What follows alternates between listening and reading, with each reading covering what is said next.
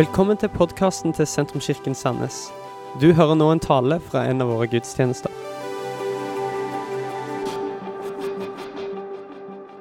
Og Juleevangeliet det handler om et tegn ifra Gud.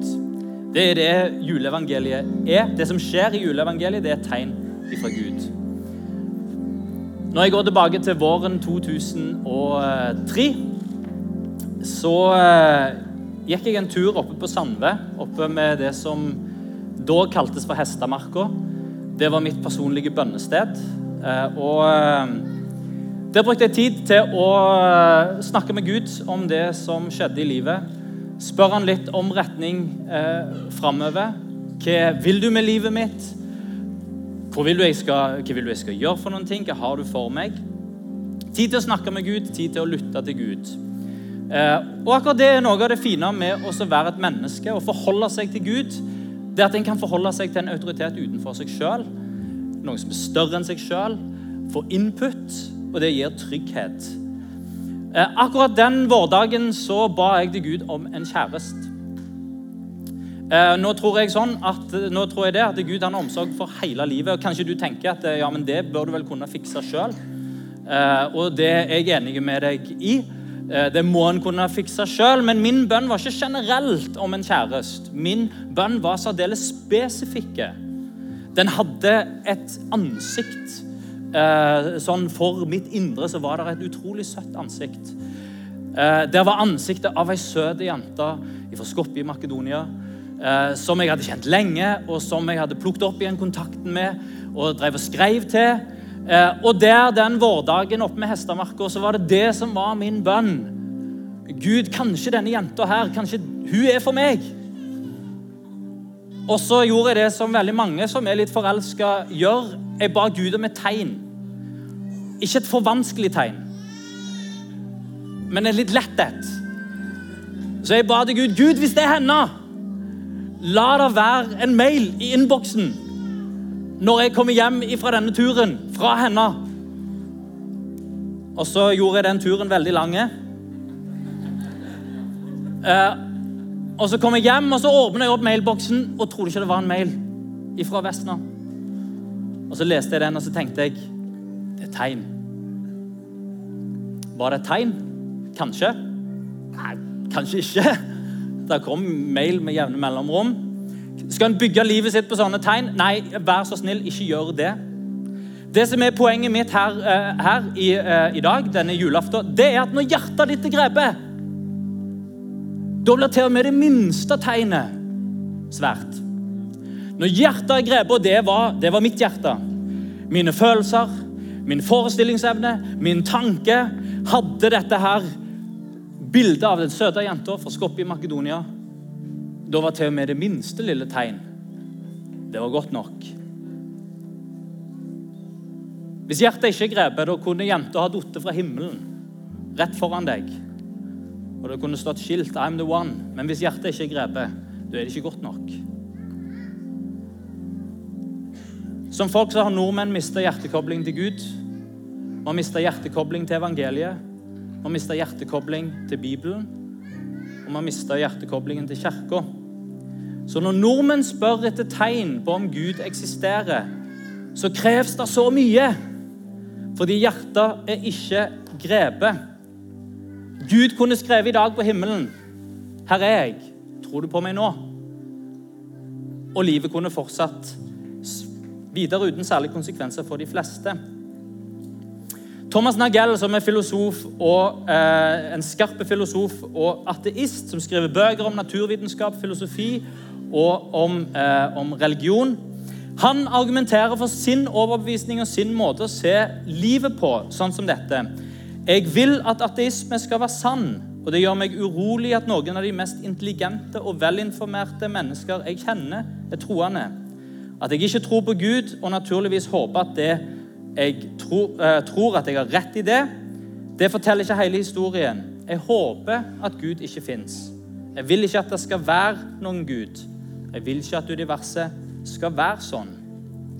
Så Thomas Nagell han er, han er ærlig. Sier nei, det er ikke bevisene som sier at jeg ikke tror på Gud, men jeg vil ikke at det skal være noen Gud. så fortsetter han med å si det er like irrasjonelt å la sin tro være påvirka av håpet at Gud ikke eksisterer, som håpet at Gud eksisterer. Sier jeg nå at en ikke kan undersøke Gud rasjonelt og intellektuelt? Det kan du. Eh, og eh, C.S. Lewis, forfatteren og, eh, og, professoren som ble, gikk fra overbevist ateist til å bli en overbevist kristen i voksen alder, han sier det at hvis du ønsker å forbli en ateist gjennom hele livet, da må du være forsiktig med hva du leser. Men òg han som brukte i voksen alder og leste seg fram til så for kristen tro, for Gud, og leste seg fram til en overbevisning Når han skriver sin bok om sin omvendelse til Gud, så, så kaller han ikke den boka for syv gode argumenter for at Gud fins, men han kaller boka for 'Overraska av glede'. En mann som hadde fått hjertet sitt grepet av budskapet. Den danske journalist, eh, journalisten Charlotte Rørt hun var og besøkte ei middelalderkirke i Spania. Og Der i den middelalderkirka i Spania så forteller Charlotte Rørt at der, mens jeg satt der, så kom Jesus til meg. Og Så skriver hun ei bok etterpå, og hun kaller boka det har vært en bestselger her i Skandinavia. Så kaller hun boka si 'Jeg møtte Jesus'. Og Så leser du boka, og så leser du om ei dame som har fått hjertet sitt grepet. Alle typer mennesker kommer til å tro på Gud. Både de en kan forvente, og de som en kanskje ikke forventer. Og Som oftest så skjer det fordi at hjertet har blitt grepet. Høyre sin stortingsrepresentant Stefan Heggelund han sier om sin reise mot kristen tro og det som på en måte, som, som viser at hans hjerte var grepet av, av troen av Gud og av Jesus.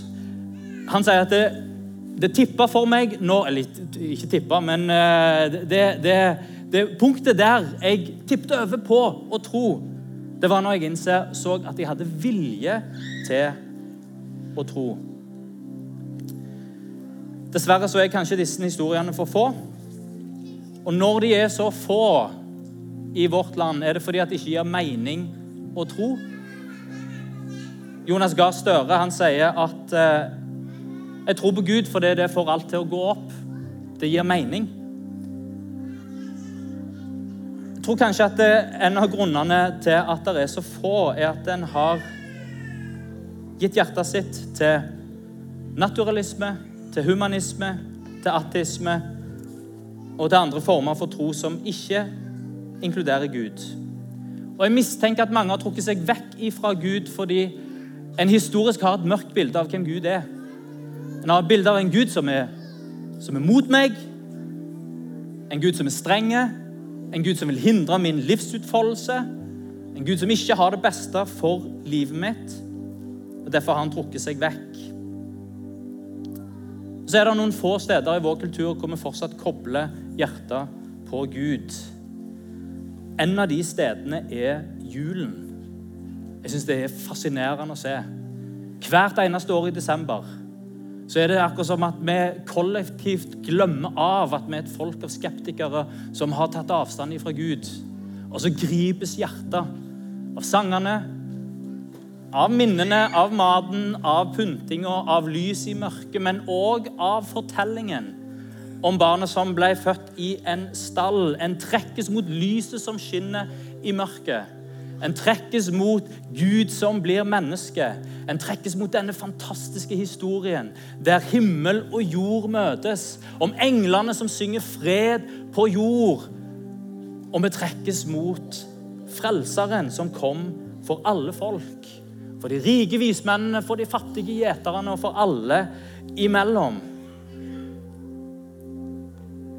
Vi har kasta bort tanken om Gud, men så dukker han opp allikevel til julen fordi det sitter fast i hjertet. Min oppfordring til oss denne julen la hjertet gripes av han som julen handler om, han som julen er om.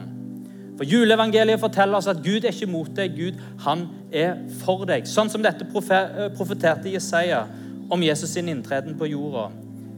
Derfor skal Herren gi dere et tegn. Se, en jomfru skal bli med barn. Hun skal føde en sønn og gi han navnet Immanuel. Gud med oss. Gud gir oss et tegn. Det er faktisk lov å spørre Gud om et tegn, sånn som jeg gjorde med innboksen.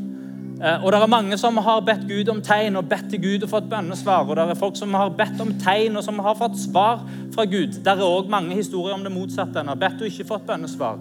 En har bedt om tegn, og en har ikke fått det tegnet som en ba om. Men her sier faktisk Gud jeg skal gi et tegn, og det er for alle. Og hva er dette tegnet? Det er at jomfrua skal bli med barn. Tegnet er gitt, og det er massivt. Gud kom ned i form av et menneske, og historien forteller oss skråsikkert at Jesus har levd. Det bevitnes både av de bibelske manuskriptene og det bevitnes av både av romerske og jødiske historieskrivere. Men så er det to ting rundt Jesus sitt liv som gjør at han er et tegn. Han er noe mer enn bare menneske, som vi kan lese om i historien. Det ene er at han er født av en jomfru, og det andre er at han er oppstått fra de døde. Og De to tingene der de henger sammen. Om ikke disse to tingene stemmer, så er Jesus, tømmermannssønnen fra Nasaret, historiens største bløff.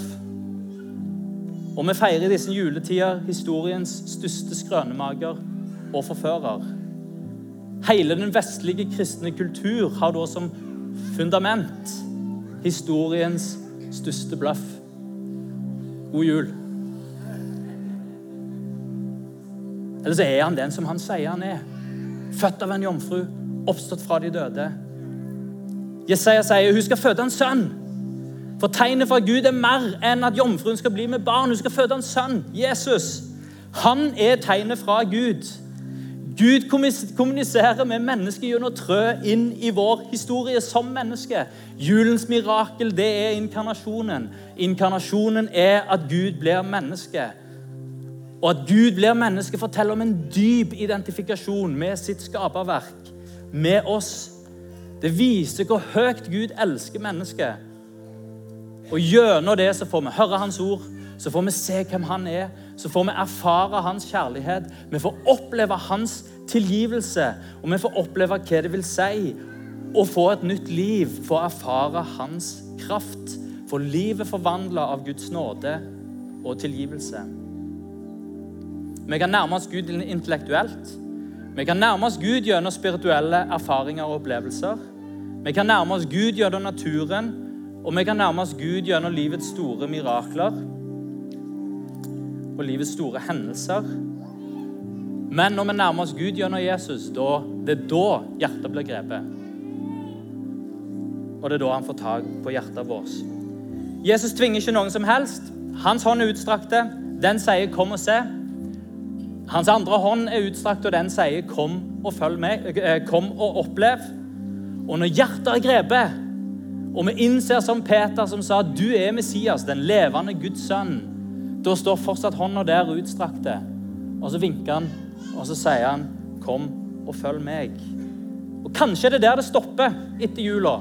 Hjertet er grepet av julefortellingen. Hjertet er grepet av Gud som blir menneske, og fred på jord, og frelseren som skal komme for alle sammen. Men våger jeg det å komme og følge Han? For han er jo mot meg. Han er jo den strenge, mørke Gud. Så fortsetter Jesaja med å si han skal kalles Gud med oss.